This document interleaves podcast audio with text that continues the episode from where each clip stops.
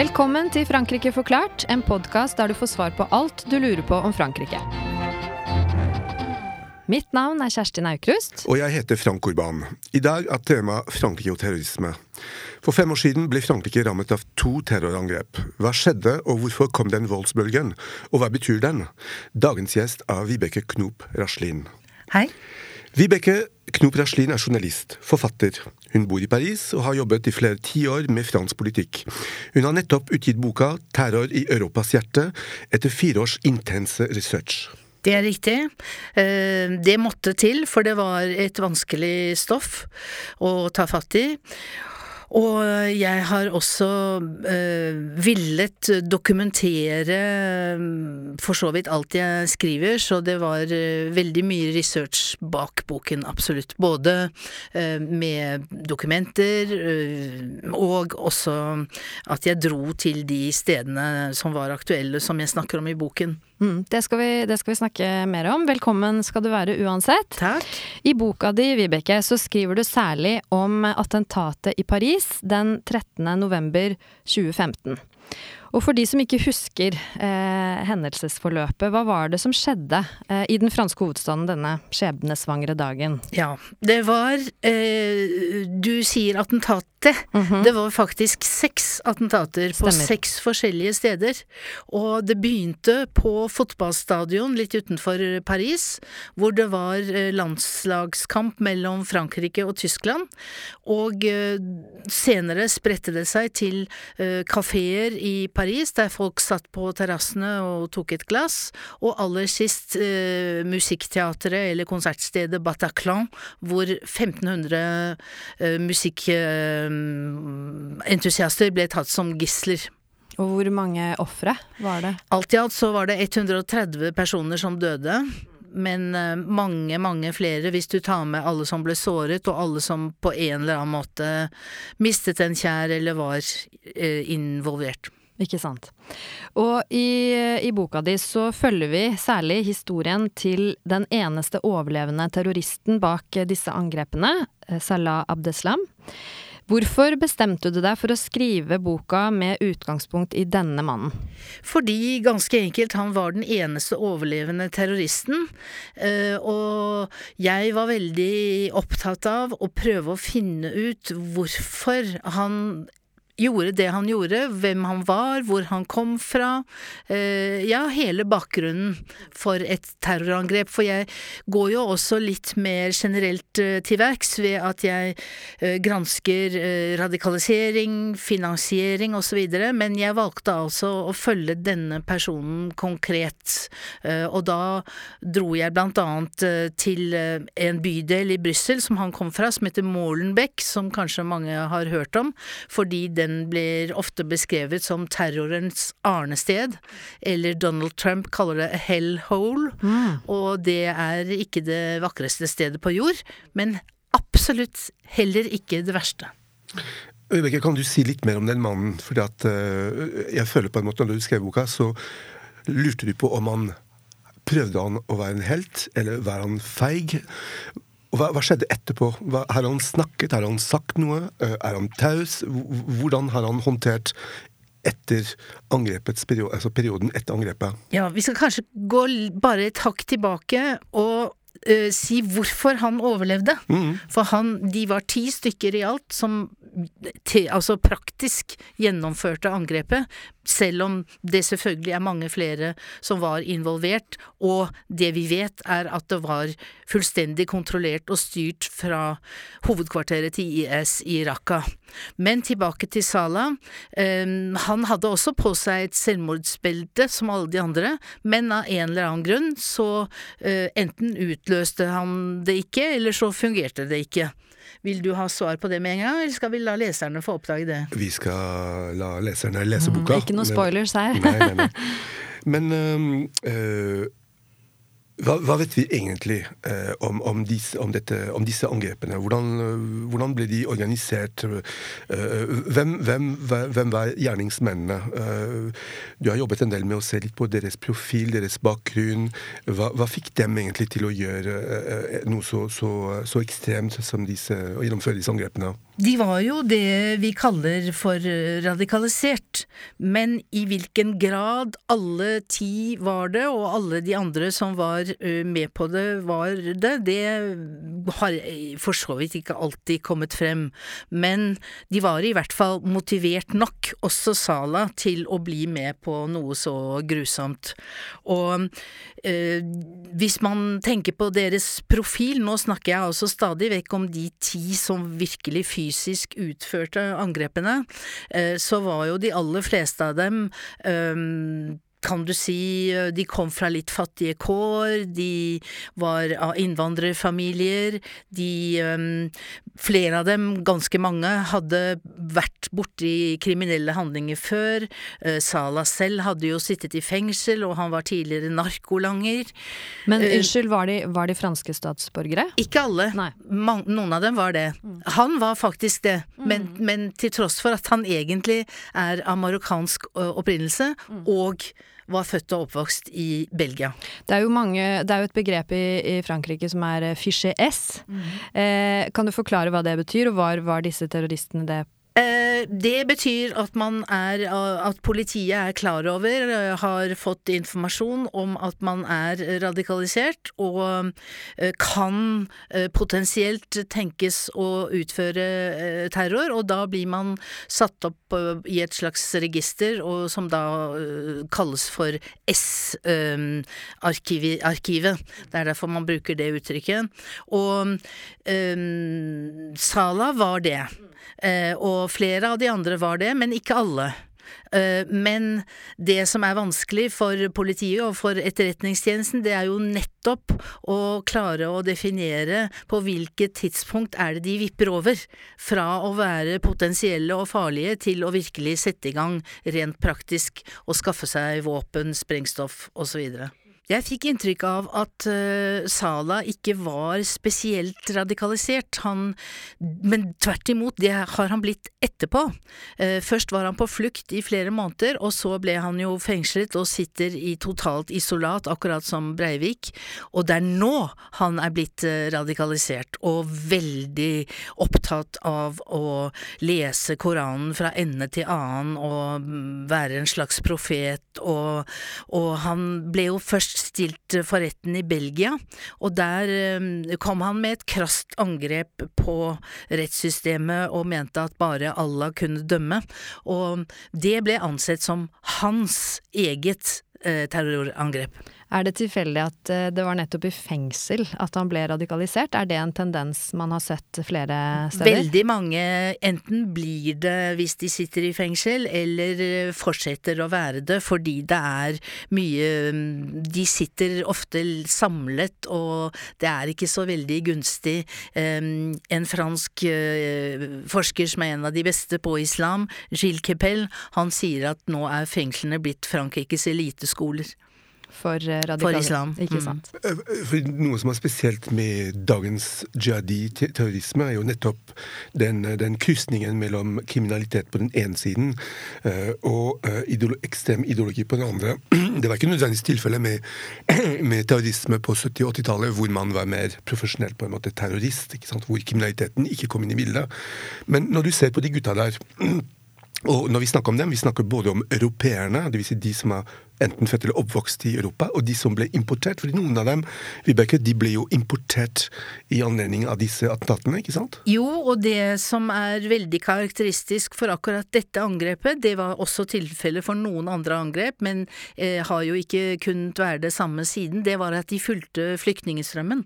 Hvis dere husker tilbake, så var det jo akkurat i 2015 at det plutselig kom forferdelig mange eh, flyktninger eh, på, langs forskjellige ruter inn i Europa, og det utnyttet da IS eh, ganske kynisk, og brukte og fikk da sine menn eh, inn i Europa på den måten. Og det var akkurat Salas jobb å eh, kjøre og hente dem på forskjellige steder. Han var i en rekke europeiske land og hentet dem når de, når de kom til Europa.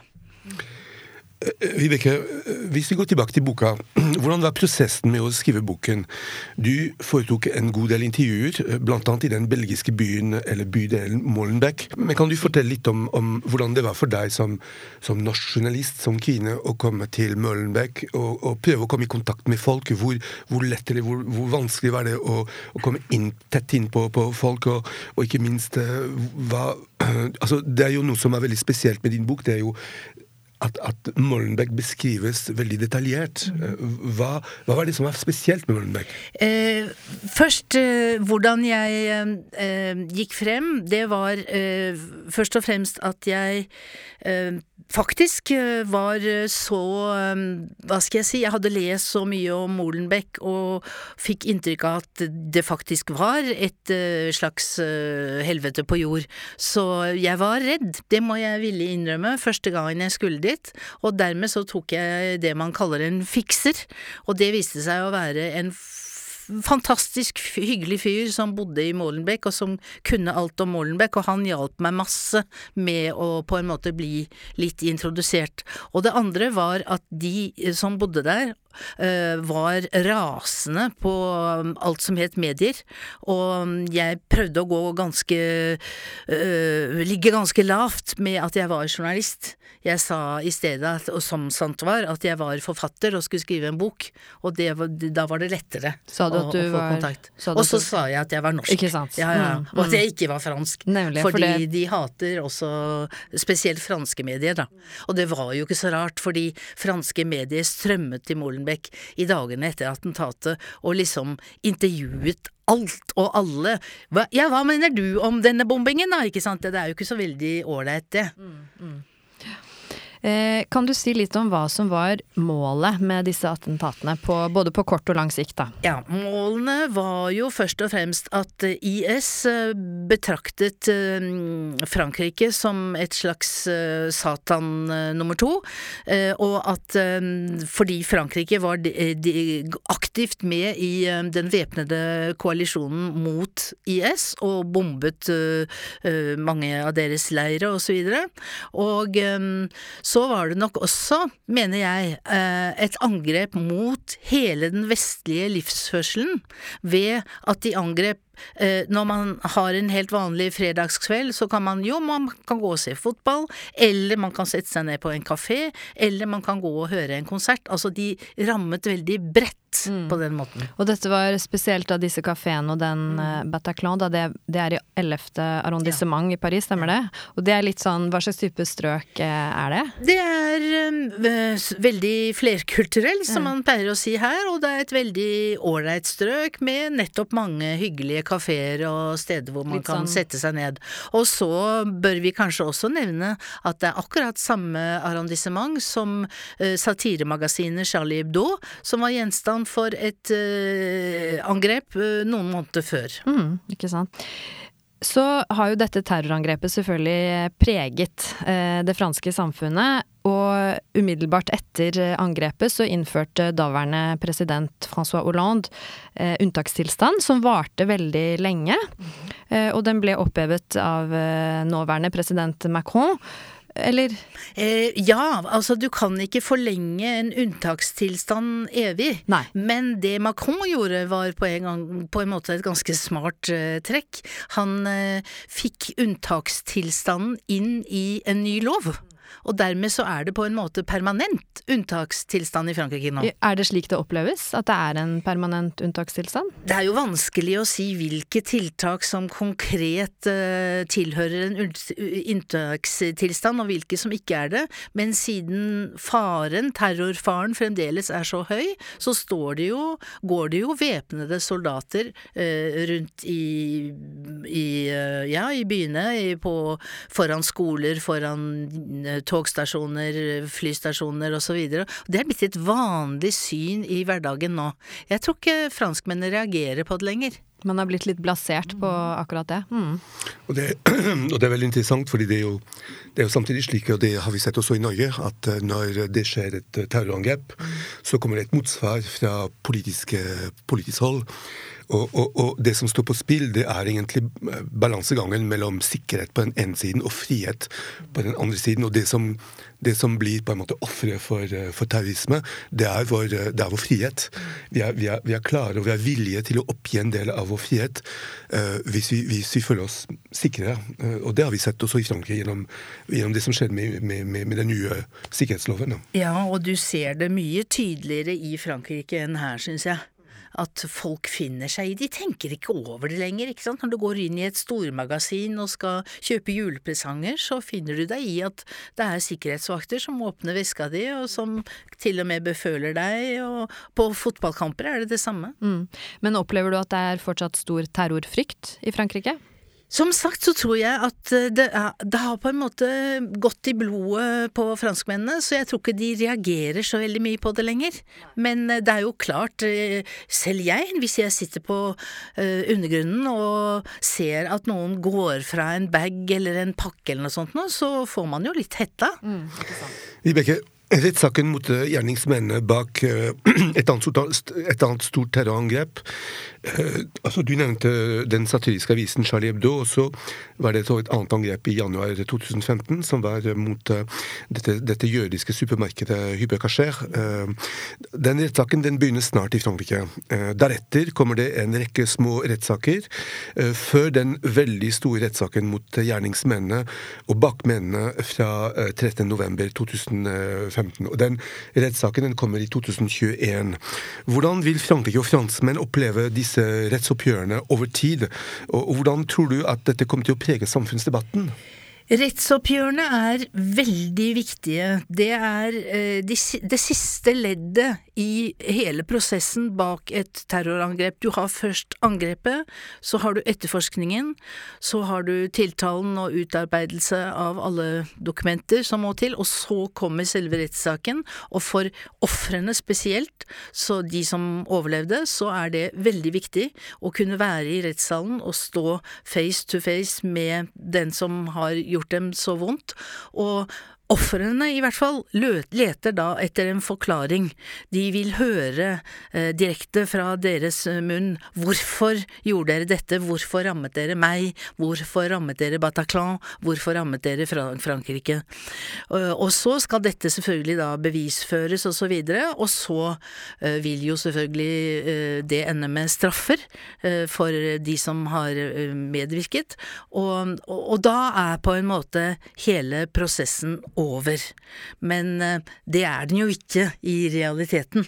Man ser jo det eh, hvis man sammenligner med rettssaken i Norge etter eh, 22. juli, at eh, de som virkelig opplevde det på kroppen eller var nær, de, de kommer jo ikke over det, selv om rettssaken er over.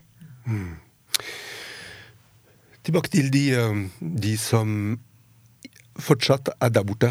Uh, I Norge så har vi Det har vært veldig mye fokus i Norge på, på denne IS-kvinnen og hennes to barn, som nylig ble returnert til landet. Uh, og i Frankrike så har vi hatt en lignende debatt, med en veldig forskjellig skala. Uh, men kan du si litt om den franske debatten rundt det, husker Vi skrev to kronikker om det, faktisk.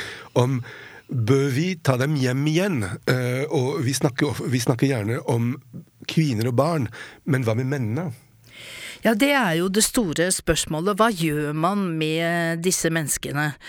Eh, på en eller annen måte så må jo disse menneskene stilles for retten, de også, for det de har gjort. Og alle europeiske land, det var jo det vi var inne på, eh, kviet seg enormt for å få disse menneskene tilbake til Norge, Frankrike, eh, England, hvor de nå enn kom fra, fordi man regnet med at selv om de ble dømt, og i hvert fall fengslet en del år, så ville de kunne utgjøre en ny trussel.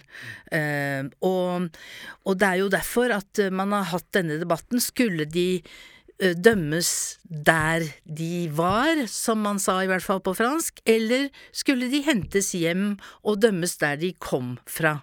Eh, det er eh, fremdeles en debatt, men nå har i hvert fall Frankrike bestemt seg for å øh, hente hjem de aller fleste barna, for de er jo helt uskyldige ofre for dette her.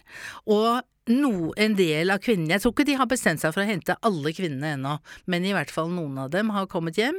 Og mennene er det fremdeles ikke helt avgjort hva de skal gjøre med. Eh, justisministeren sa for bare Vi vet hva som skjedde med en del av dem.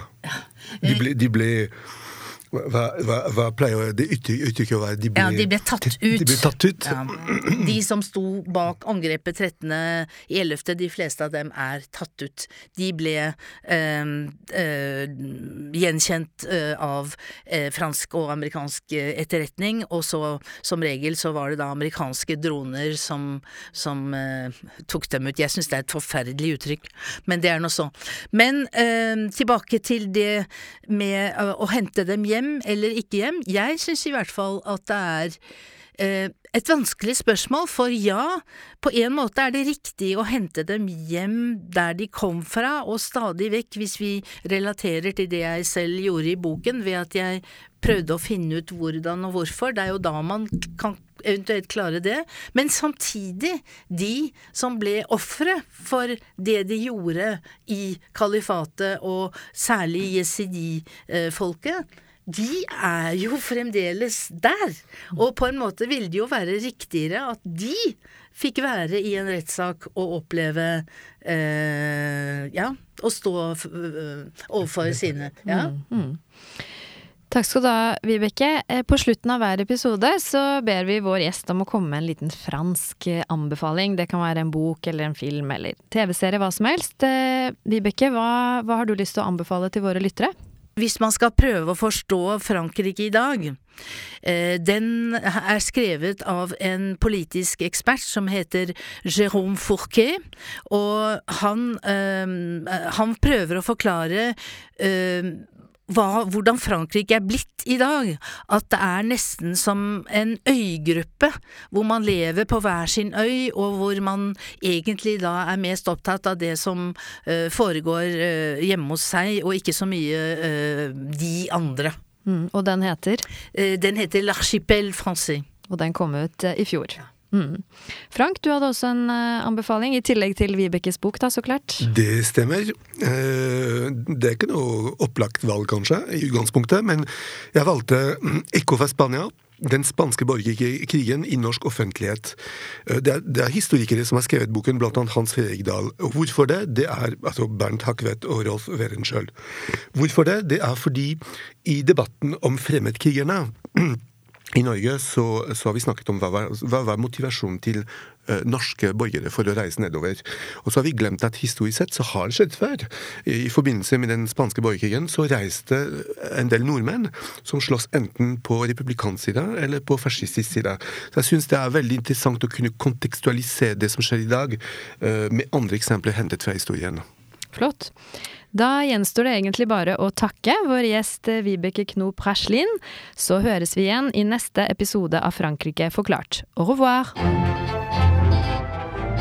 Denne podkasten er et samarbeid mellom Universitetet i Oslo og Høgskolen i Østfold.